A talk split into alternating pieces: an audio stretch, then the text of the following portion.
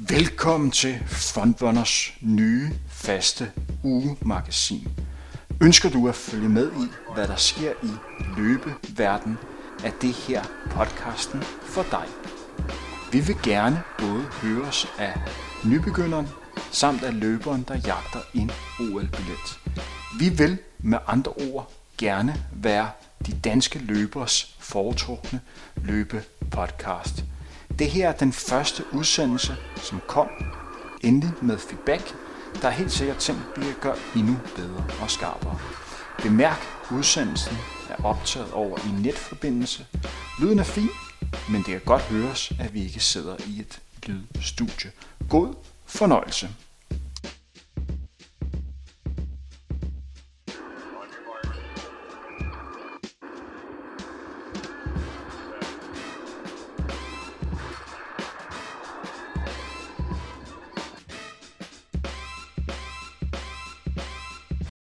Velkommen til Frontrunners nyhedsmagasin, om man så må sige. Og med mig i dag spændende gæster. Christian Ulbjerg er dagens gæst, men først så vil jeg lige introducere vores ekspert Henrik Thiem. Henrik Thiem, hvordan går du og har det? Jeg har det fint, tak. Øh, vejret er jo ganske fornuftigt, selvom det efterhånden er blevet start september. Og øh, jeg bliver lige 10% ekstra skarp, når øh, temperaturen er omkring de 20 grader og, øh, og solen er fremme, så jeg har det ganske fremhavn. Og grunden til, at jeg spørger, det er jo fordi, at øh, Pione Sisto, han valgte jo ikke at skrive kontrakt med FC København, så jeg forestiller mig, at du har ligget søvnløs, men, men det er ikke tilfældet. Og jeg havde en hård uge øh, i sidste uge. Jeg var for præcis en uge siden, der var jeg ufattelig kørende. Det er ingen hemmelighed, at jeg har sympati for FCK, og jeg kunne se tilbage på et par år, hvor vi startede med at nappe OB's anfører, og så tog vi Nordsjællands anfører, så tog vi AGF's anfører, og så tog vi Brøndby's tidligere anfører, og så tog vi så den hæderkronede ikon på Midtjylland, Pino Sisto. Det var jo næsten så tæt på, som man kunne være på at lave fuld hus, men øh, vi blev snydt. det er godt. Det er godt. Jeg er glad for at høre, at du trods alt øh, stadigvæk har lidt øh, optimisme i stemmen. Rigtig godt at høre. Hvis vi lige skal bringe mig øh, i spil. Jeg er jo sådan en ny stemme her over på Frontrunner. Folk de kender mig måske fra det, der hedder Trioraklet, hvor jeg har lavet podcast i nogle år. Vi er faktisk egentlig startet med at lave podcast nogenlunde samtidig. Og det er jo, jeg er jo egentlig fan af Frontrunner gennem mange år. Og øh, det er jo fordi, at øh, Henrik, du har brygget på et øh, sådan et nyhedskoncept. Kan du lige prøve at fortælle om din vision med det her nyhedsmagasin? Og så måske, øh, altså det er jo ikke meningen, at det skal hedde nyhedsmagasinet fremadrettet. Det er egentlig bare noget, vi, vi kalder det, fordi vi ikke har noget navn endnu. Hvad, hvad er tankerne bagved? Jo, øh, først og fremmest så skal jeg jo lige sige, at vi mangler et navn til den her nye type udsendelse. Jeg har virkelig gået i tænkeboksen på at kunne finde på et nyt skarpt navn, men det er der ikke helt nu her. Så jeg vil lade op til vores fantastiske lytter at komme med et forslag øh, til navn, hvad den her øh, programserie skal, skal hedde. Som sagt, øh, tankerne bag det her magasin, det er, at det skal være et ugemagasin, hvor vores lyttere øh, kan regne med, at for eksempel øh, hver onsdag, hver torsdag, skal man altså få et update på, hvad der sker i løbeverden. Helt konkret så slår vi det, som man tidligere kender som alt og løb, og så de her portrætudsendelser af løber, forskellige slags løber, sammen i en udsendelse. Det vil sige, at vi snakker om, hvad der sker i løbeverden lige netop nu, og så snakker vi så med øh, en løber, som på en eller anden måde er aktuel i løbeverdenen. For eksempel i denne uge her, det er Christian Ulbjerg, som har løbet under 43 og dobbelt dansk mester på 8 og 1500 meter. Så han også kommer lidt med i, i samtalen, lige høre, hvordan han går og har det, og, og øh, lige spørge ind til hans syn på forskellige aktuelle, øh, aktuelle problemstillinger. Det kan også være en træner, det kan også være en person for, for et forbund. Så ganske kort, vi går lidt tilbage til rødderne og har fokus på frontrunner, skal være stedet for dig, som ønsker at blive klogere på, hvad der sker i den her øh, løbeverden. Og så har vi haft brug for en skarp vært, og jeg har haft dig i tankerne et stykke tid, Ja, så jeg er utrolig glad for, at du har lyst til at være med. Ja, det, jeg er meget, meget beæret over sådan at blive headhunted. Det er vist første gang, jeg har prøvet det i mit 38-årige liv, så, så en gang skal jeg være den første. Men Henrik, det er jo ikke nogen hemmelighed, at sådan noget med at lave podcast, det er ikke noget, man, man bliver millionær af, så det er jo kun noget, der kan lade sig gøre, fordi der er mennesker, der hjælper øh, brands og så videre, og vi har jo fået en rigtig, rigtig fed sponsor, nemlig Zetland, og nu ved jeg godt, at du, Henrik, er sådan en type, der er meget til clickbaits, og øh, hvad folk fra Paradise Hotel øh, nu har skrevet statusopdatering om, der, der er kamufleret som nyheder. Men hvis man nu er lidt mere til, til sådan det grundige og gennemarbejdede journalistik, hvad kan man så gøre som, øh, som frontrunner lytter i forhold til netop Zetland? Det er jo sådan, at øh, Frontrunner Zetland har lavet et samarbejde øh, først og fremmest så vil jeg lige sige, at jeg havde ikke den store erfaring med øh, det politiske nyhedsmedie Zetland før for øh, fire måneder siden, hvor det tog fat i mig og sagde, Henrik, prøv lige at høre øh, vores programmer igennem den næste måneds tid. Kort og godt er det nyhedsside, hvor man kan øh, øh, høre opdateringer om, hvad der sker i den øh, politiske øh, verden. De har ikke fokus på at være først, men de har fokus på at være, være grundige. Så de vælger et aktuelt emne, og så går i, i dybden med det. Og der kan man både læse det øh, som øh, almindelig artikel, men du kan også få det oplæst. Jeg bruger det for eksempel, når jeg er på vej på arbejde eller på vej til møde, og så lige, øh, lige giver man kort opdag, hvad der sker i den politiske verden. Det fungerer faktisk rigtig godt for mig. Men det er sådan, at de har lavet en rigtig, rigtig skarp aftale med dem, som godt kan lide fondfonder. Fordi det er sådan, at hvis man går ind og tegner et måneds abonnement på, på Zetland, så får man selv lov til at bestemme prisen på den her måned.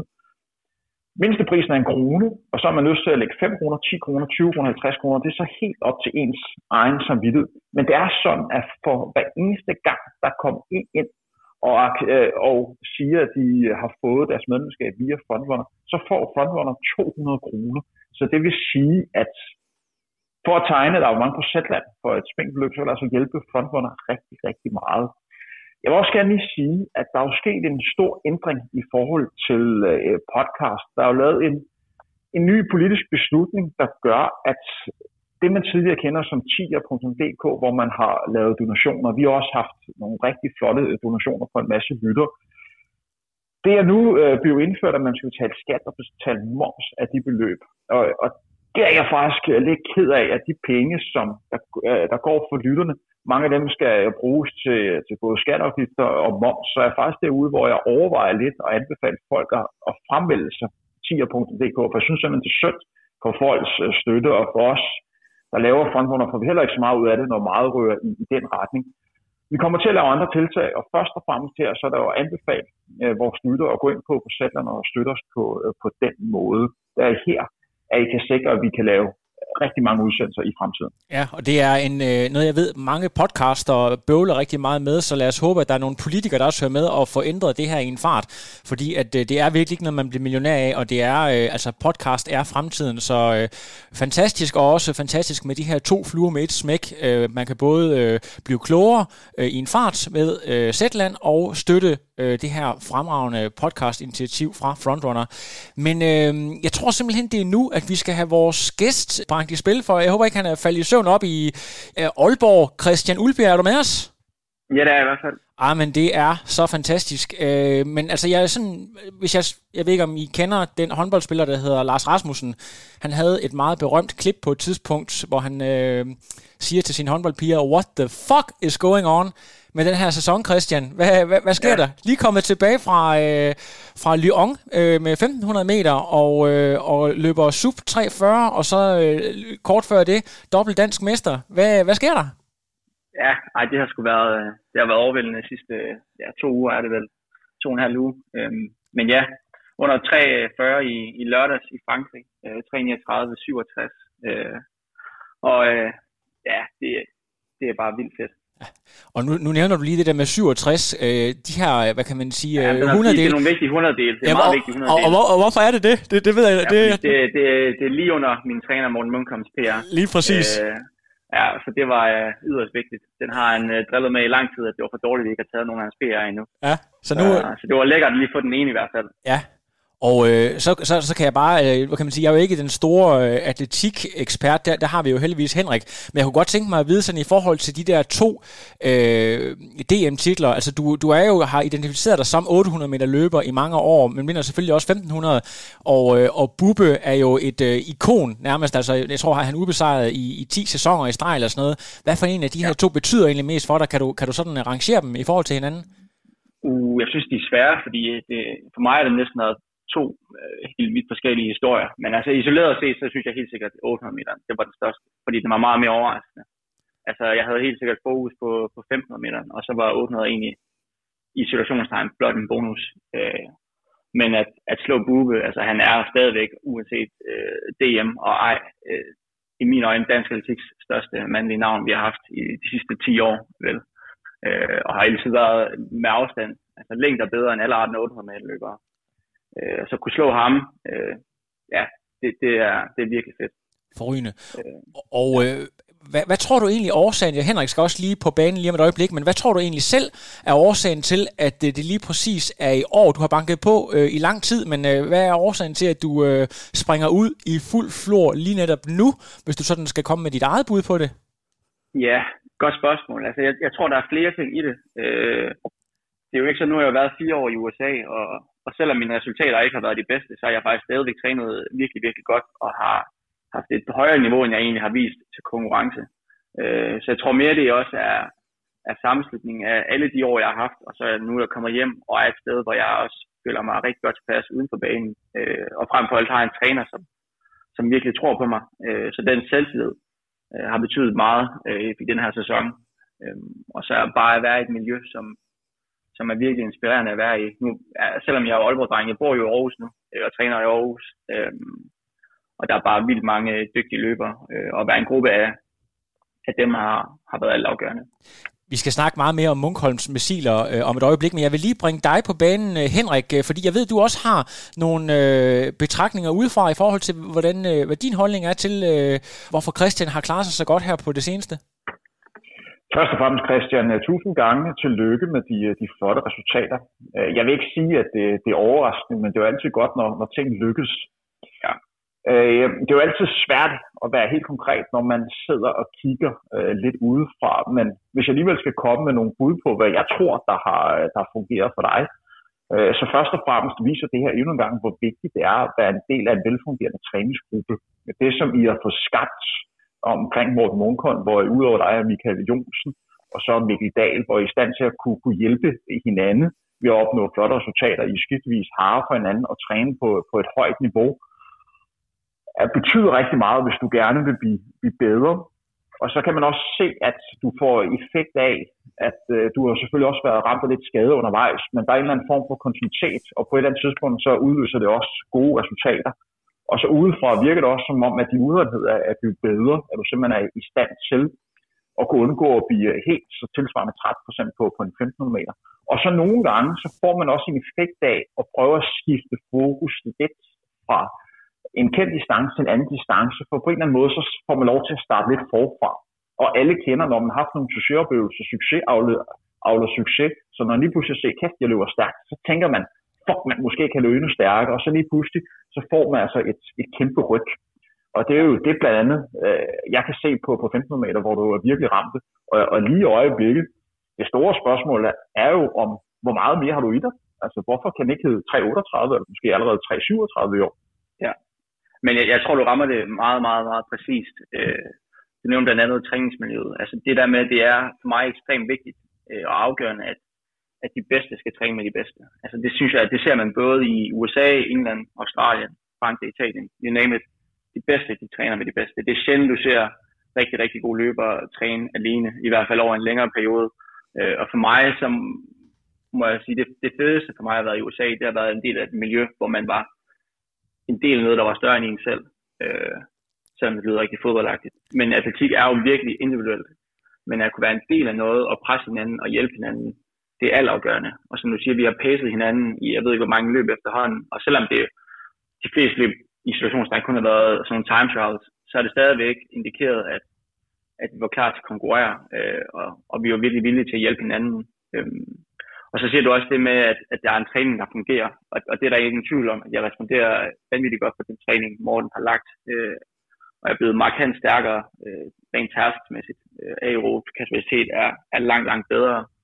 Øh, og, og en anden ting, du også nævner, det er jo det der med at skifte distance. Og det har jo nok været en af de vigtigste ting for mig. Det var at prøve lidt noget nyt. Altså nu har jeg løbet 800 meter i, i rigtig mange år, øh, og kan jo næsten løbe 800 meter med lukkede øjne. Jeg ved præcis, hvordan det skal føles. Og det er jo også blevet en anelse monotont, også fordi min, min tid er jo ikke blevet ret meget bedre. Øh, jeg løb jo allerede 1,49 som, som 17 år i 2014. Øh, så det er mange år, hvor der ikke har været sådan vildt meget fremgang.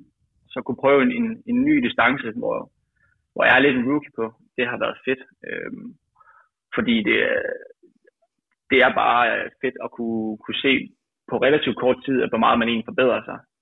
Altså jeg kan huske mit aller, aller første pas under Morten.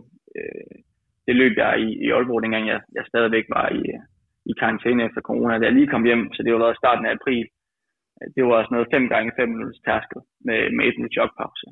Og jeg kunne næsten ikke engang løbe 3,25 uden at være, være ude af min pulszone. Og nu kan jeg jo løbe øh, 6 gange 6 minutter i 3,07 og have det en del nemmere. Så det har også været relativt stor progression på relativt kort tid, som jeg også tror har, har været vigtigt i det her. Og hvis jeg gerne lige må knytte et kommentar i forhold til din, din sejr over øh, Bubbe.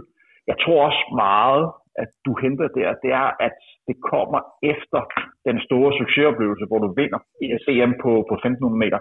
Fordi du kommer ind og har virkelig meget tro på dig selv, hvor man ja. kan sige, at Bubbe, det er hans første løb i en ja. sæson, hvor man kan sige rent motivationsmæssigt, at han nok et eller andet sted, at det er det ental, jeg løber for. Øh, de store mesterskaber for ham bliver, øh, bliver lidt taget fra ham.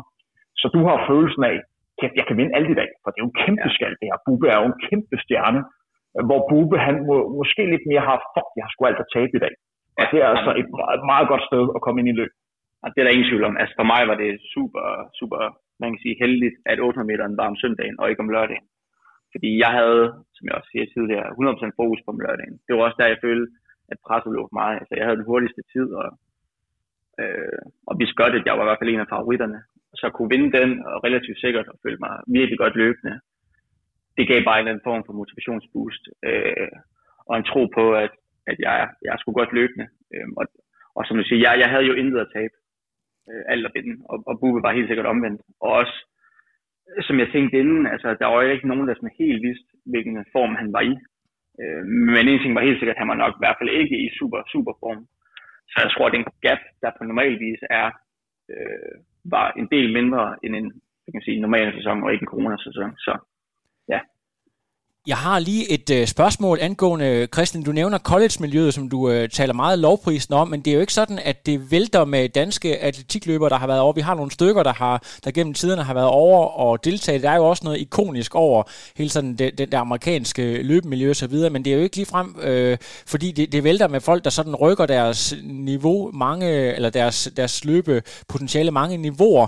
Øh, altså, hvad, hvad tror du egentlig, der, der, der, hvad kan man sige, er årsagen til det? Altså, er, er der nogle nogle ting, man sådan bliver overrasket over.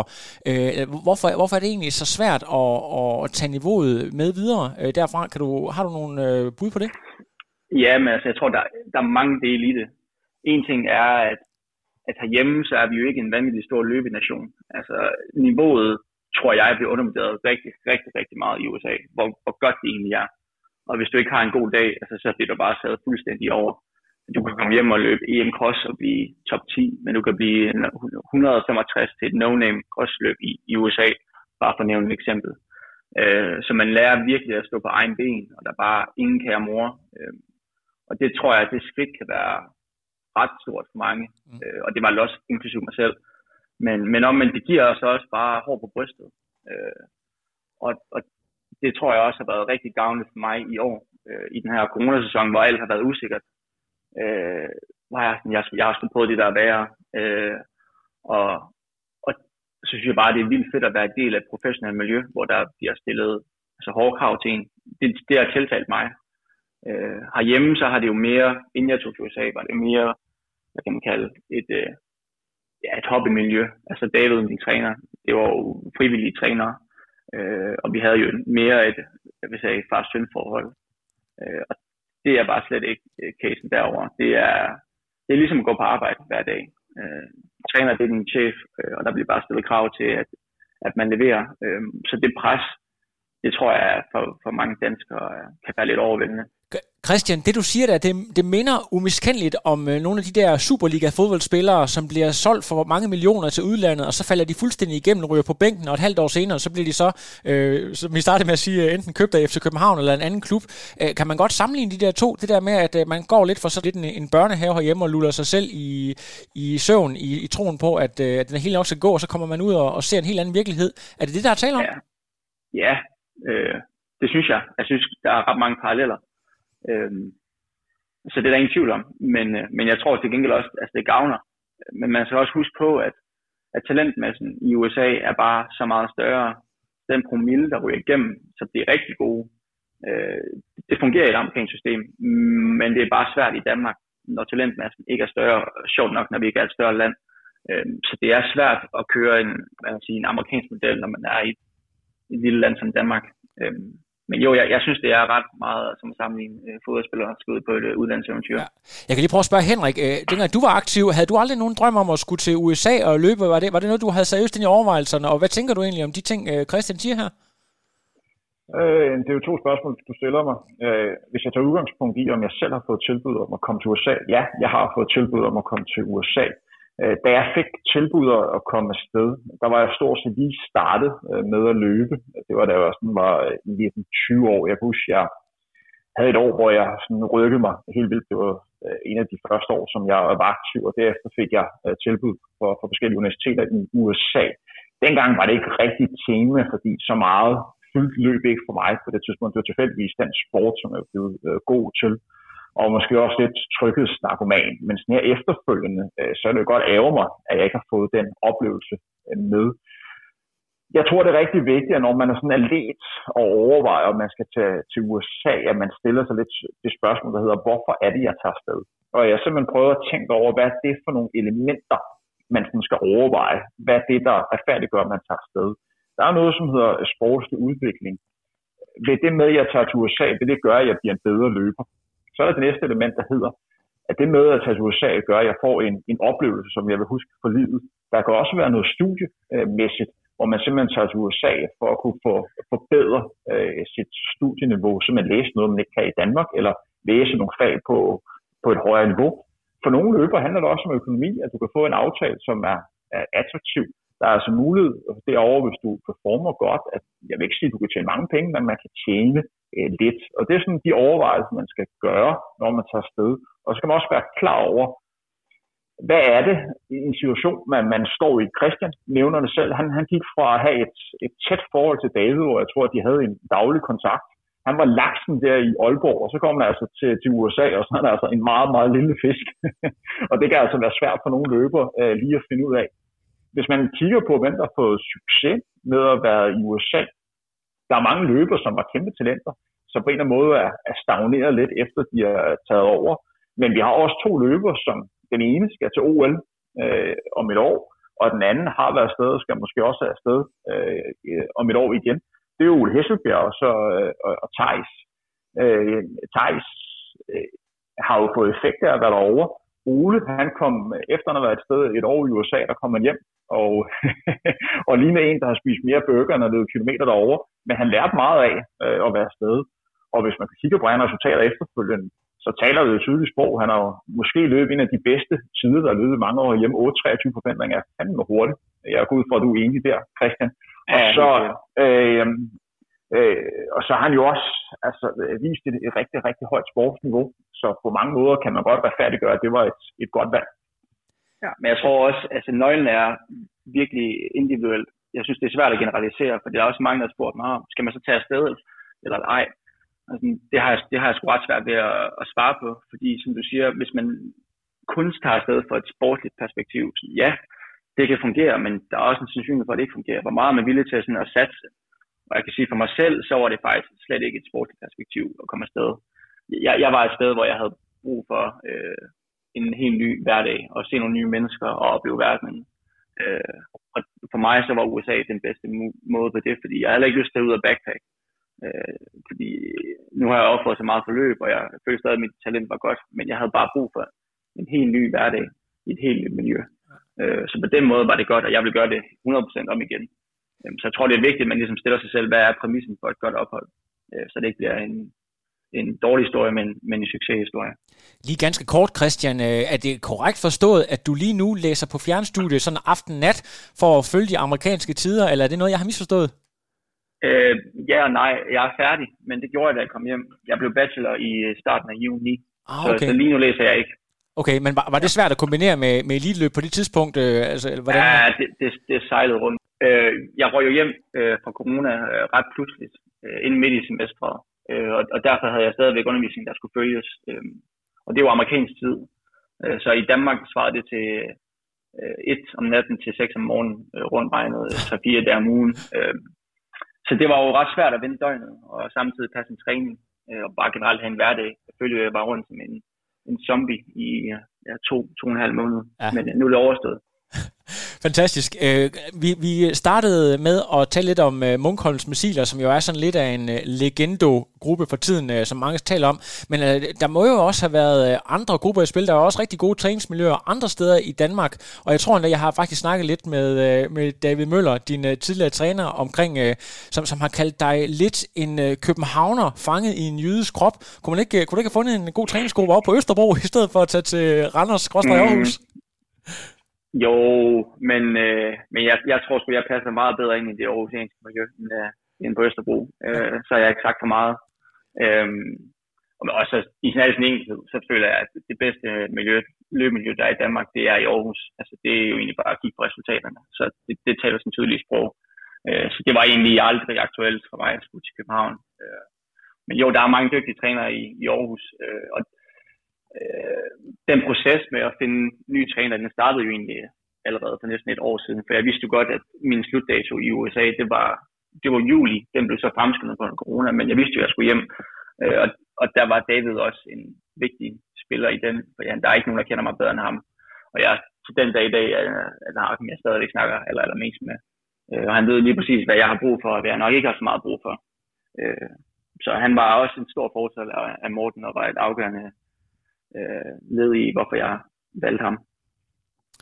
Fremragende. Vi øh, rykker faktisk øh, nu videre til det næste emne, som handler om nogle af de mange unge mennesker. Jeg håber, vi kan få en lille diskussion mellem øh, dig, Christian, og Henrik der, fordi at øh, Joel øh, Lillesø, som øh, vi jo har talt så meget om, vandt jo for nylig et øh, stævne på Østerbro, et banestævne på 5.000 meter, og satte også i den forbindelse øh, ny PR. Men det her med at blive udråbt som et kæmpe talent i en meget ung alder, hvad, hvad kan det egentlig betyde? Det er jo også noget, som øh, I egentlig begge to har kendskab til, øh, altså hvis du vil øh, starte, Christian, så kan det være, at du øh, også kan byde ind øh, på det, Henrik. Ja, Jamen, jeg, jeg tror meget, det kommer an på, hvordan man håndterer det, øh, og hvordan de håndterer det. Øh, altså, jeg tror som jøde, så tror jeg, det er en del, så tror jeg, det er vigtigt at holde fødderne plantet solidt på jorden, og egentlig bare nyde det at løbe, men, men når det er sagt, så skal de sgu også øh, fejre det. Øh, det er nogle helt ekstreme tider, øh, Joel ligger og løber, øh, og, og det er også, jeg tror, uden at kende ham vildt godt, øh, har snakket med ham, og Altså, det virker som om, han bare synes, det er det fedeste og det sjoveste at løbe. Og, og det skal han have fat i. Øh, fordi jeg, jeg tror, det er en farlig cocktail, at det bliver for seriøst i for ung en alder. Øh, fordi hvis det er sjovt at løbe, så er det også nemmere at håndtere det pres, øh, som automatisk kommer, når man løber stærkt. Altså, vi har jo forventninger øh, til vores unge atleter, men, men det skal bare ikke overkomme. Øh, og de skal stadigvæk synes, det er fedt at træne, og de skal stadigvæk også have andet i deres verden end blot det at løbe. Øh, så det tror jeg, som er, er det vigtige. Det er måske ikke helt tilfældigt, at mandens, altså Joels øh, store idol er uh, cagefighteren Conor McGregor, som måske er den mest flamboyante sportsmand i, ja. i verden, så, så det fortæller ja. måske en lille smule. Jeg ved ikke, ja, det synes jeg kun er fedt. Ja. Det synes jeg kun er fedt. Det skal han have fat i. Øh, og gå til gymnasiefester og hvad ikke. Ja. Der er Ja, lige præcis. Hvad, hvad, hvad siger du til det hele? Har du nogle betragtninger om det her, Henrik?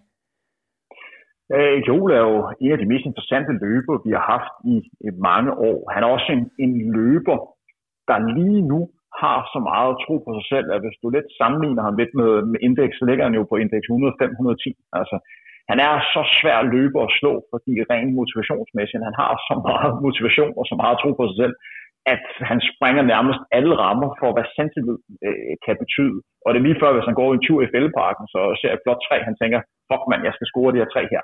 Så meget tror på han, øh, tror på han sig selv. Og det gør bare, at han er en farlig modstander at løbe med, fordi hvis du Christian lægger også mærke til det. Det er jo lidt det samme, som der skete på 800 meter, og også en årsag til, at han kommer 43.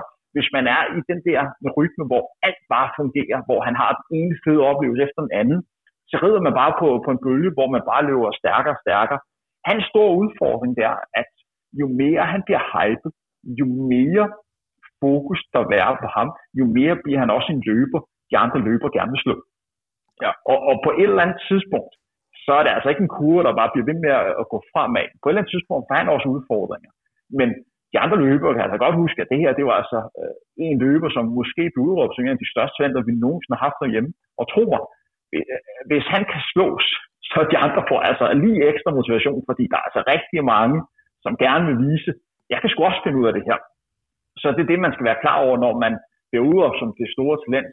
At det gør også, at de andre løbere, de får sgu ekstra motivation til at kunne, kunne nappe ham der, hvor Joel han bliver, bliver udfordret rigtig meget, det er første gang, han får en periode, hvor tingene ikke helt fungerer, er han i stand til at kunne rejse er han i stand til at komme tilbage.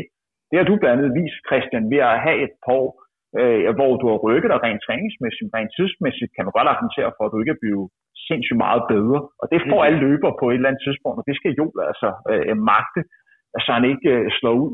Og der håber jeg øh, for ham, at han sådan bibeholder det setup, han har lige nu.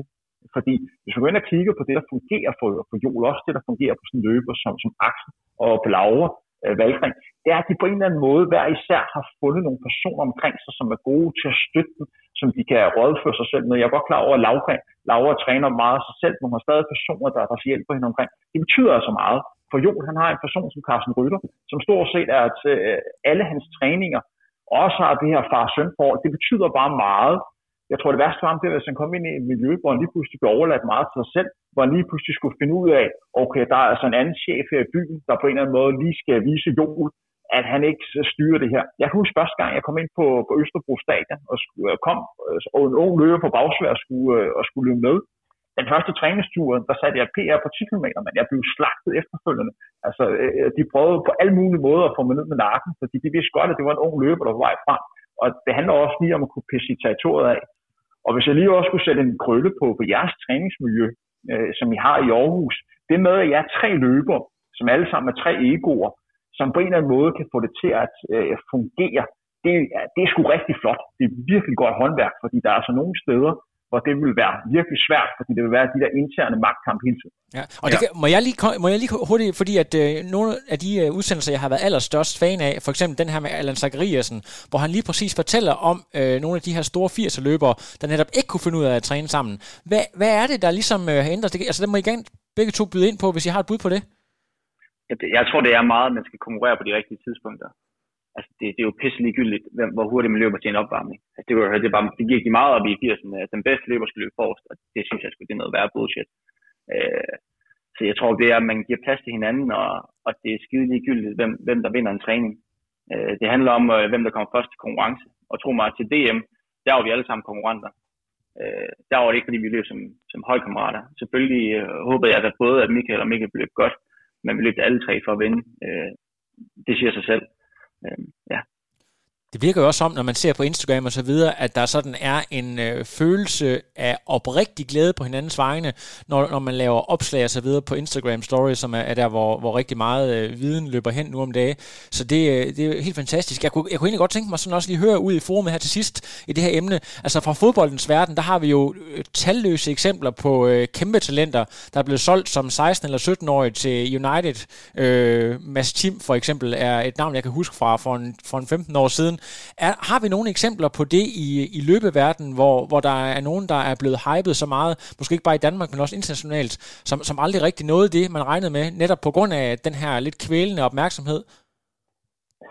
Vi har jo, vi har jo flere eksempler på det. Den første løber, som jeg vil øh, bringe i spil, det er faktisk lidt unfair.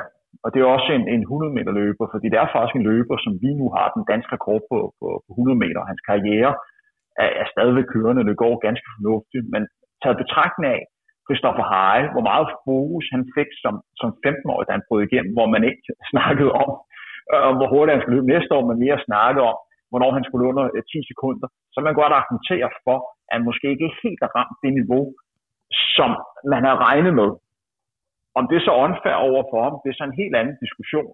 Men, øh, men til hvor meget han blev hypet, øh, så han ikke helt ramt det niveau. Og hvis vi kigger på de lange distancer, dengang jeg var ung, der lå jeg konkurreret med en, en gut, som var to år yngre end mig, der hed Mohamed Bashir. Han var øh, fra Kolding, trænede meget sammen med en anden løber, der hed Brian Lindberg. Han var altså øh, en af de bedste løber i Europa på den overgang her. Han var 17 år, hvor han løb 29 minutter på, på landevej. Det er altså rigtig, rigtig hurtigt øh, i, i den alder, var til verdensmesterskabet i, i Jamaica. Og der snakkede man også om, at det var den her løber her, der skulle slå Henrik Jørgensens rekorder han blev, han blev ramt af skader, og, og havde også lidt svært ved helt at finde sin plads rent øh, mentalt på alt det pres, han havde fået på. Så han, han, han forsvandt simpelthen. Og så er der øh, to øh, løbere, som jeg også lige vil nævne, som måske er de største svend, som jeg overhovedet har set. Der var en løber, som hed Eddie Andersen, som kom fra Fifillerød. En meget elegant 800 meter løber. Han løb ligesom i sin kippeter. Hans største problem, det var, at han ikke, han gad ikke rigtig at træne, så hvis en træner ikke stod og kiggede på ham, så sad han og, så sad han og drak cola, eller sad med sin, øh, sin telefon, men det var altså et gigatalent. Og så var der en løber som Ahmed Khalif. En dag, du snakker med Morten, Christian, så prøv lige at sige Ahmed Khalif til ham. Øh, jeg, jeg kan huske, at han er for årgang 89. Jeg husker en gang, vi var i, i Portugal, hvor vi skulle løbe 5 gange 1000 meter. Øh, Ahmed Khalif, han lå lidt og, øh, og vekslede lidt i hastighed, men øh, på, den, på en tredje interval, der bankede han lige altså en 2-33 af på sådan 1000 meter. Og, og, og mig og Morten, som var uh, kan sige, de to, som lidt stod og duellerede om, hvem der skulle vinde de her intervaller, vi fik et kæmpe tæsk, vi blev kørt ud af banen, og der fik vi bare se her, øh, kæft, der var en her talent, og han kunne også fyre en 400 meter af på 253 på 10 gange 400 til det sidste, så det her, det var altså et lysende talent. Det var en løber, der slet ikke fik noget ud af, hvor, til hvor, hvor god han var. Og meget af det var også, fordi han fik skudt i skoen, at det her, det var altså et giga talent. Fremragende. Øhm, lige her til sidst, øh, Christian, jeg skal lige høre resten af sæsonen for dit vedkommende. Ja, jamen, øh, jeg slutter sæsonen på søndag til DM-hold, hvor jeg lige tager en lækker triple 8, 15 og 4 gange 4 øh, for Aalborg. Øh, og så skal jeg have noget sæsonpause. Skal jeg drikke en øl og hygge mig i, i blå zone, som vi kalder det. Ja, og hvordan er det med fontænen? Det er meget mere en grillbar, men en... Hvad siger du? Fontænen, meget mere en grillbar ja, ja. end... End, det kan jeg ikke huske. Smittefar. Jeg ja, vidste ikke, om du var inde i Johnny Heftis lyrik. Og det er fantastisk. Hvordan, hvordan følger man dig? Instagram, hvor, hvor kan man følge med? Ulbjerg, uden E, på Instagram. Øh, det, det er primært det, jeg bruger. Så er der også, ja, Facebook bruger jeg ikke så meget, men øh, ja, Instagram. Det er godt, og øh, du regner med, at øh, i løbet af den der udsendelse kommer herud, så, øh, så får du nok 1000 følgere mere. Så øh, fremragende, og øh, igen, en stort tillykke. Øh, vi, øh, Mange tak. Tak, for, tak for i dag, Christian. Øh, og øh, Henrik og jeg, vi rykker videre til næste emne, fordi der har jo også samtidig med DM været løbet Diamond League, hvor jo blandt andet Ole Hesselbjerg lavede øh, et fantastisk race, men nok det, som tog flest sådan overskrifter, internationalt i hvert fald, det er en ny verdensrekord på 5.000 meter hvor øh, vores ven fra Uganda, Joshua Cheptegei, øh, slog en legendarisk rekord fra 2004, som tidligere har tilhørt legendariske Bekele. Og øh, altså, hvor god er den her øh, nye rekord på øh, 12.35 i virkeligheden, Henrik? Det er jo vanvittigt. 12.35, øh, vi snakker altså når det 12,5 omgang på lidt over 60 sekunder. Det er helt sindssygt hurtigt. Det kilometer tid om, omkring 2.30. Øh, og det værste var, øh, det var, at øh, det så nemt ud hele vejen. Joshua Cheptegei er måske den største stjerne, vi har på de lange distancer lige i øjeblikket, hvis man lige ser bort fra øh, den her rivalisering på maraton mellem Kipchoge og Bekele. Hvis man går ind og kigger på hans sidste fire løb, i oktober måned øh, sidste år, der vandt han VM-guld på, på 10.000 meter. Det er jo 26.48 i, i Doha. Så et par, par måneder senere, i starten af december, der satte der verdenskort på titlen med landevej i Valencia med 26-38. Så den øh, jamen, 16. Øh, februar, der satte der en verdenskort på 5 km landevej i Monaco med 12.51. Det er altså en fuldstændig vanvittig tid på, på landevej. Og så hans seneste løb, det var altså verdenskort på 5.000 meter med 12.35. Så det med at have, have løb, hvor man ikke helt rammer dagen, eller løb, som man bruger som træningsløb, det er ikke rigtig tilfælde for Joshua Cheptegei. Det må man sige. Der er fuld valuta hver eneste gang, han, han stiller op. Hvordan vil du egentlig så, rangere den her, Henrik, den her rekord i forhold til sådan andre legendariske rekorder? De fleste øh, løbere og motionsløbere osv. Kan, kan måske bedst sådan forholde sig til, øh, til maratonrekorder osv., men, men, men i forhold til, til sådan de kendte mellem langdistancer, hvor, hvordan vil du egentlig rangere den? Øh, vi er, vi er helt oppe, altså inden for øh, mellemdistance. Ah, jeg ved ikke helt, om man skal kalde en 5.000 øh, en mellemdistance, men 12.35 er en tid, øh, hvor vi nærmer os noget af det ypperste, øh, man har set inden for øh, rekorder. Jeg tror alligevel, at den verdenskort, der er på 3.000 meter, som hedder 27, øh, måske er endnu bedre men det er, en, det, er en, det er en distance, som ikke bliver løbet særlig meget, så det er svært helt at, at vurdere, hvor, hvor god den her 3000 meter tid egentlig er. Men jeg vil sige, det der er mere interessant faktisk nu her, det er, at fordi løbet bliver løbet på den her måde, og fordi det er en løber, der stadigvæk er på vej frem, så dufter det mere. Kan Joshua Cheptegei være den første løber, der løber under 12.30 på, på en femmer? Han er også en løber, som har løbet stærkt på, øh, på 10'eren, kan han være den første løber, som er under 26 minutter øh, på, på 10.000 meter. Vi begynder at nærme os, og så vil det altså være en løber, der skriver sit navn ind i historiebogen med rigtig, rigtig fed skrift. Ja, og det er sådan, jeg har, jeg har skrevet her i mine noter, det er sådan er, er fænomen eller døgnflue, og når jeg, jeg tænker fænomen, så tænker jeg for eksempel på Bikele og Kipchoge og måske Haile Gebrselassie, det, det er sådan dem, jeg vil kalde for fænomener i sporten, øh, og du mener, at det er deroppe, øh, at han, han er ved at nærme sig? Ja, det synes jeg. De andre løber, så som du har nævnt, det løber, som har vundet langt mere end Joseph Cheptegei har gjort indtil videre. Men det er jo stadigvæk en, en ung løber. Lige i øjeblikket har han været verdensmester i, i cross, og så er han verdensmester på 10.000 meter. Og så har han altså nogle, øh, nogle verdensrekorder. Han har verdensrekorden både på 1500 landevej og på 5.000 meter. Det er også noget, der øh, tæller. Hvis vi kigger et par år frem, og lad os sige, at han bliver olympisk mester på, øh, på 10.000 meter. Han er der ikke helt endnu, men det er en løber, som, som nærmer sig. Det er der ingen tvivl om. Noget andet, jeg bider mærke i, det er hans øh, nationalitet. Øh, Uganda, jeg tænker jo ellers, jeg forbinder altid øh, de her verdensrekordholdere osv. Med, med Kenya og Etiopien primært. Har det nogen betydning, at der ligesom kommer en anden øh, afrikansk nation i spil, eller er det sådan lidt uden betydning? Øh, det jo bare noget, jeg sådan lige faldt over. Har du en kommentar til det? Ja, tidligere har der jo været hele tiden den her rivalisering mellem Kenya og Etiopien. Det man så har fundet ud af, at den samme talentmasse er også til stede i Uganda, og de sidste par år, så er der flere løber fra Uganda, som har vist fantastiske resultater. Første gang, man virkelig blev mærke i det, det var ved OL i 2012 på, på maraton, hvor man fik en lidt overraskende olympisk mester på det tidspunkt fra Uganda, der hedder Stefan Kipuchit, som også vandt verdensmesterskabet i 2013. En rigtig mesterskabsløber. Men hvis man går ind og kigger på verdensmesterskabet i cross, som blev afviklet i Aarhus i 2019, nummer 1 og 2 var jo for, for Uganda, og der var jo mange af de bedste løber med for, øh, for hele verden, også de bedste etioper og kenianer.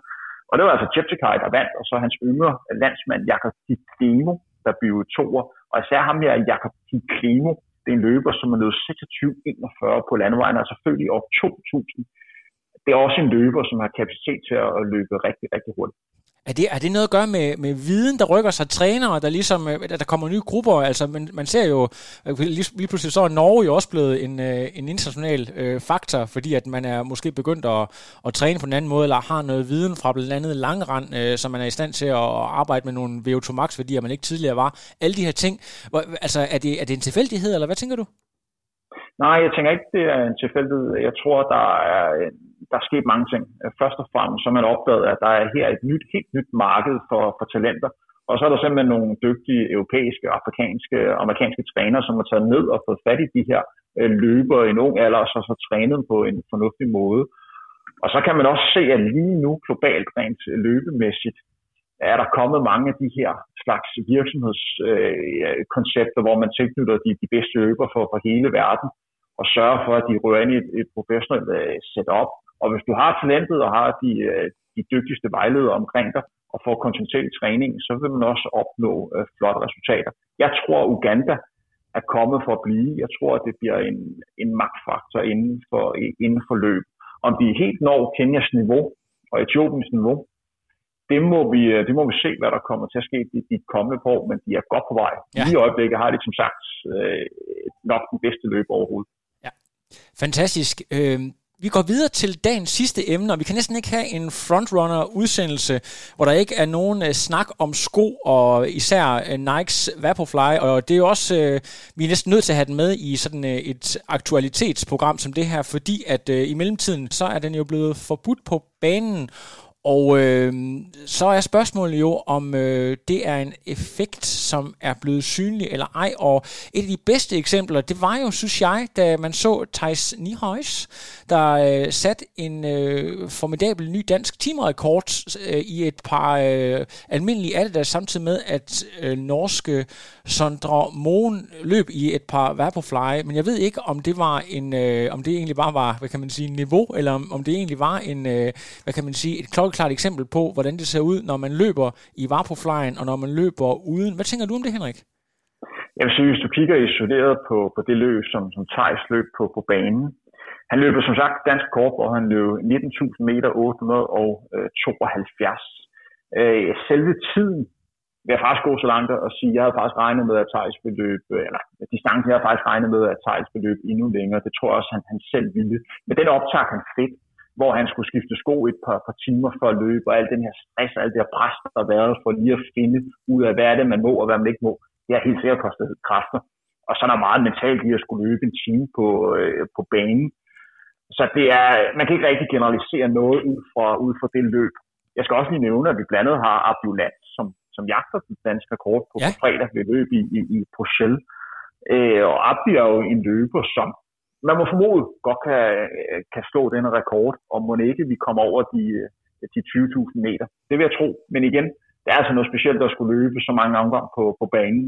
Det er mere mental udfordring, end for eksempel der på, på et maratonløb. Ja, lige præcis. Og jeg ved, at han har trænet benhårdt efter det, og også øh, brugt andre store øh, stævner, som, som lige præcis øh, træningsstævner. Jeg blandt andet, min DM øh, 10.000 øh, meter øh, har været træningsstævne til, øh, til den her timerekord. Øh, ja, han har øh, de sidste, de sidste par stævner, øh, der har, altså, man, man må sige kæmpe respekt for Abdi. Han har valgt at stille op i stort set alt, hvad der har været på, på dansk jord, og så brugt det som, som træning. Man skal virkelig stole på sit eget koncept og sin egen træning, når man vælger at stille op i løb, hvor man godt ved, at man ikke er på, på 100 procent. Så, så kæmpe respekt der, fordi øh, Abdi er også en løber, som alle andre gerne vil slå han er jo en løber, som har været til OL eller udråb som det helt store, så hvis der er løber, der lige pludselig ligger tæt på Abdi, så får de da et par ekstra procenter, fordi ham vil man da gerne slå, fordi han er, han er så, så god. Men generelt kan man sige, øh, det der er blandt andet sket i forhold til den her, øh, hvad kan man sige, øh, skoregulering, det er der er kommet endnu mere fokus på, på løbesko. Der bliver snakket meget mere om, hvad er det for nogle sko, han har på, eller hun har på, end der nogensinde har gjort før. Øh, generelt tror jeg, det er meget godt for, for producenterne, fordi det gør jo, at løber bliver endnu mere bevidste om, hvad er det for nogle, øh, nogle sko, man løber i, og hvad er det for nogle sko, som er på, øh, på markedet. Ja. Og det samme er jo også tilfældet, når vi går, går lidt længere ned. Superligen bliver også mere interesseret i sko, og det gør, det gør motionister også, så det er jo en effekt, der kommer alle øh, led ned. Øh, elite, når først fangerne, så kommer Superligen, og så kommer her på Danmark lidt længere ned. Øh, så, så generelt er det jo godt for, for skobranchen, at der kommer endnu mere fokus på, på, på løbesko.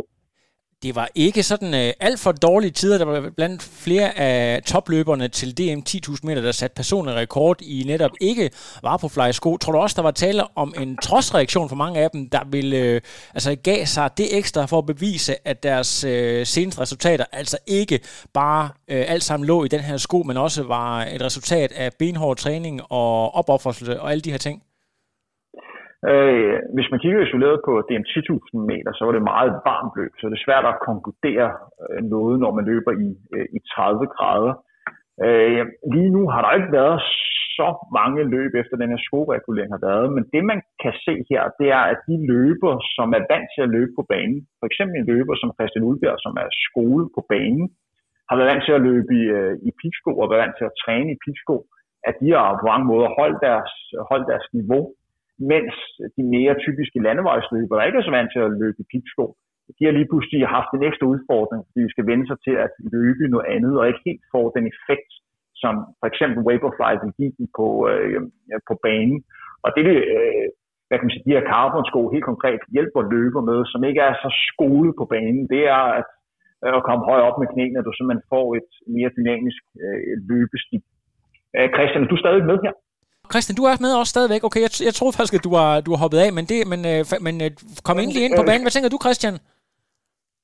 Om, øh, om Vaporfly? Ja, lige præcis, eller omkring, hvad, hvad det kommer til at betyde, at, øh, at hvad hedder det, den ikke er en del af, af baneløb længere. Hvad, hvad, hvad tænker ja, du sådan, at den jeg, jeg, tror, jeg tror jeg faktisk ikke, det kommer til at betyde uh, super, super meget. Nu er der en Dragonfly, der er på vej, øh, og jeg har egentlig altid været den opfattelse, at, at Pixco, altså det må være det bedste på banen. Nu er vi så øh, bevist omvendt, men jeg føler lidt, at, at, at øh, især Dragonfly er, er jo egentlig bare the best of both worlds. Øhm, og kombinere en spike med, med en Vaporfly, det, øh, ja, det siger sig selv, at det må, det må virke rigtig godt, og det er jo også bare det Chip to Guy løb i, øhm, og det er det Ingebrigtsen løber i. Øh, så jeg, jeg tænker ikke, at det betyder vildt meget. Jeg synes mere, det er øh, at det, det er lidt de der regler, de synes jeg er lidt underlige. Altså, hvordan kan, jeg synes, det er underligt, at man må kunne løbe en 5 km på landevej øh, i Vaporfly, men du må ikke løbe en time på banen i Vaporfly. Altså, det synes jeg er lidt bange. øh, skævbrydet. Men, øh, men når det så er sagt, så synes jeg ikke, at de burde forbydes overhovedet. Øh, lige nu så er Nike bare foran alle andre brands, så ja, jeg er også sikker på, at det kommer et modsvar fra, fra alle andre. Hvis jeg lige må komme på banen her, og så lige øh, forklare, der er jo kommet den her nye øh, pisko for, for Nikes øh, Dragonfly, som på mange måder øh, tager det samme zoom-effekt, som man havde på Vaporfly, som man løb med på landevej, og så putter den i, i pisko samtidig med, at man har en, en carbonplade. Det er jo ikke unormalt, at man pisko har, har carbonplader, og det har man jo brugt i flere år. Blandt andet øh, mange sprintpisko har jo carbonplader til at gøre den rigtig stiv. Men Christian, du færdes til, til stævner, kan du mærke, at der kommer endnu mere fokus på, hvad folk løber i? Øh, ja og nej. Altså, hvis jeg er så heldig, at jeg i situationstegn bare har løbet 8-15 meter, og den der diskussion om carbonsko har ikke været vildt meget. Det er jo mere øh, 5.000 meter op efter, og, og det er jeg egentlig glad for, for jeg synes, fokus på sko bliver alt for stort. Altså, jeg synes, løb det burde jo bare være, hvem der er bedst på dagen, øh, i stedet for, hvilken sko man løber i. Øh, og så det fokus der, det er jeg faktisk ret træt af at høre på, for at være helt ærligt. Men, men det er da klart, at der er stor fokus på løb, øh, eller på, på, på sko. Øh, og det, det kan jeg da også godt forstå, fordi det giver også, øh, det giver da også mening, at selvfølgelig vil man løbe i de bedste sko. Øh, så jo, fokus er blevet større, men, men jeg synes, det er fedt nok, at, at, øh, at man ikke må løbe i Vaporfly mere på banen, fordi lige pludselig skulle alle jo løbe i den. Øh, og man kunne bare se, at tiderne blev fuldstændig eksploderet efter det. Øh, og det kan jo sagtens være, at løberne er blevet bedre, men det er mere det der sammenligningsgrundlag. Det er jo, det synes jeg har været, det har været træls. Altså, det, er jo, det er jo svært at sammenligne tider, som, som øh, med, før og efter Vaporfly, fordi er du en, øh, en high responder eller low responder, det er der jo ikke nogen, der helt ved. Øhm, så, ja. Og en ting, man også skal have for øje, det er, at niveauet øh, langdistancemæssigt er virkelig hede. Hvis vi bare øh, kigger på et land, som er meget sammenlignet med, med Danmark, der var et Grand i Göteborg i, i lørdags. Og hvis vi går ind og kigger på de svenske løber, der er altså syv svenske løber, som løber under 14 minutter på 5.000 meter den dag. Og, og den 8. løber, han er altså 14.00. Ja. Det er altså højt niveau af et, øh, af et nordisk land, så, så der går det er også det, jeg synes, der skal være mere fokus på. Altså, det er jo det første spørgsmål, man får, oh, hvilken sport løbet i? Og det synes jeg jo er forkert, i stedet for at anerkende en løbers præstation øh, og hvor stærkt det er, at Sverige har syv mand under. Øh, der, der, er jo lang, der, der er Danmark jo langt bag det, øh, og det synes jeg jo er inspirerende. Og det må også være inspirerende for, for alle de 5.000 løber, vi har i, i Danmark. Øh, og så det er jo mere der, fokus skal ligge på, i stedet for hvilken skole de løber i. Og så bliver det også interessant at se, fordi der er også andre mærker, som har øh, sko øh, på vej, som på mange måder øh, måske kan, kan matche det, som, øh, som Nikes Vaporfly kan. Blandt andet kan vi lige nævne, at der er et meget interessant løb på, på lørdag, og der er jo blandet alle, der så har lært lidt af det, som Nike har gjort blandet med Breaking 20, så de har simpelthen lavet et stort event i Prag, hvor de inviterede inviteret mange løbere, som de sponsorer, så er de simpelthen lavet et halvmarathonløb for at kunne øh, være med til at lancere den her Adios Adios Pro, og det er altså 30-40 løbere øh, til start, og blandt det, der er altså øh, 10 herrer, som har løbet under 59-30 på, øh, på halvmarathon, så det er et ganske højt niveau. Og det bliver altså spændende at se den her nye racerbil for Adidas. Hvad kan den øh, i sammenligning med øh, de andre øh, tilsvarende modeller for, for andre mærker? Så, så altså, det er jo bare en, en ny faktor, øh, som kommer i spil. Ja. Hvad, altså bare sådan helt generelt, hvad, hvor, hvor, hvor vild skal en sko være, for at den bliver, den bliver forbudt? Altså man kan jo se, at øh, tydeligvis så gik grænsen jo ved Vaporflyen, øh, den blev jo, der trak man jo øh, en streg i sandet, men altså, hvad skal, altså hvor god skal en sko altså hvor, hvor god må den egentlig være, øh, og, og hvor, hvor meget skal der til, før at man, øh, man ligesom skrider ind fra forbundets side? Og lige nu er der jo lavet en regel, og det, vil, og det gælder jo kun på banen, og det er en sko ikke meget en hel, som er større end, end 25 øh, mm. Øh, jeg synes også, at det er, det er lidt sjovt, at man ikke har lavet den samme reglement inden for, øh, for løb også på, på landevej. Det dufter lidt af, at man gerne vil have, at der kommer endnu mere fokus på, på landevejs øh, løbende. Og jeg kan ikke lade være med at tænke, om det er tilfældigt, man sidder og snakker om nu, at der kommer store landevejsmesterskaber blandet en attraktiv 5 km og en, øh, og en mil. Jeg tror noget af snakken skal være, at, at på de her distancer, der kan man altså få rigtig, rigtig mange motionister med og generere endnu flere penge. Så jeg tror ikke helt, man skal undervurdere under den. Og for, lad os bare tage sådan en producent som Nike. Altså, det er da også fantastisk for dem, nu har folk vendt sig til at løbe i Vaporfly, lige pludselig må man ikke løbe i Vaporfly på banen, og så lige pludselig står de med en, en, en ny piksko, som skulle være, skulle være det helt nye, og så er løberne i stedet for kun skal et par, så skal vi ud af to par. Ja. Det skulle da godt håndværk. Det er ja, ja. godt lavet, man. Altså. Det er fantastisk. Øh, det synes de der, det synes de der er helt, helt fantastisk. Øh, og, og igen, vi skal også være, være klar over, og der vil jeg også lige tage dig med her, øh, Christian, at så længe at det, man kan, kan tro med, hvis man løber i, i sko, som øh, hvad kan man sige, er, har en større hæld end de her 25 meter, for en superelite eller for, for en motionist, hvad vil det betyde, at din tid ikke kan blive godkendt? Jeg tror, der er rigtig mange løber, som vil være fuldstændig ligeglade med, om de ja, står som nummer 54 på en rangliste. Ja, ja. Sige, ja, ja, det er da ligegyldigt for mig. ja. ja, de skal bare have tiden, øh, og det er det eneste, de går op i. Fremragende. Vi har talt i stort set en, en time, og det er jo sådan et øh, flot tal til sådan en, øh, en nyhedsudsendelse. Ellers, jeg skal lige prøve at spørge de her, hvad øh, sådan inden for de næste uge, 14 dage, hvad ser vi frem til i løbet af verden? Hvad skal folk øh, holde øje med? Øh, Diamond League i Bruxelles på fredag. Diamond League? Øh, der er to danskere med, Kucho og Mette Gravesgaard, øh, på henholdsvis 200 meter og 100 meter hæk, og så er også en fin 1500 meter. Øh, og Abdi løber også sådan set hans team. Øh, så det tænker jeg, det er det næste i løbet af man skal holde øje med. Ja, og har du øh, noget, Henrik, som du øh, ser frem til, at det er noget af det samme? Øh, det er faktisk noget af det samme. Jeg synes også, det er interessant at se den her time, og vi får også lov til at se, hvor øh, Mo Farah øh, står. Han debuterer igen på, på banen, efter han har løbet landvejsløb. Mo Farah, som på mange måder havde et forfærdeligt 2019, han er jo en af de få løber, som er Nike-sponsoreret og kunne løbe den Vaporfly-sko, som ikke er blevet bedre. han er rent faktisk blevet langsommere og langsommere. Han er altså kommet tilbage på, på banen og går efter at sætte europæisk rekord. Øh, jeg tror også, det er verdenskort på, øh, på det her teamløb.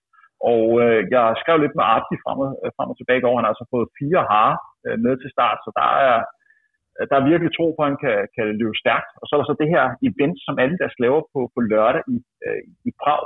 Spændende at se, om den her øh, sko er, at den Addis, øh, Addis SEO øh, Pro er det nye sko, som man skal, skal, skal, skal snakke om. Så det bliver interessant. Det er dejligt, der begynder at komme flere løb. Jamen, fantastisk. Tusind tak til øh, Christian Ulbjerg, og tusind tak til dig, Henrik Thiem, øh, til alle lytterne derude. Håber, I synes, øh, det var en fed udsendelse, og er klar til at tune ind igen øh, næste uge, hvor vi har endnu mere nyt. Og podcasten her kan jo findes på alle tjenester, lige fra iTunes, Spotify, og man ikke også, vi er på SoundCloud. Så øh, stay tuned, og vi ses i næste uge.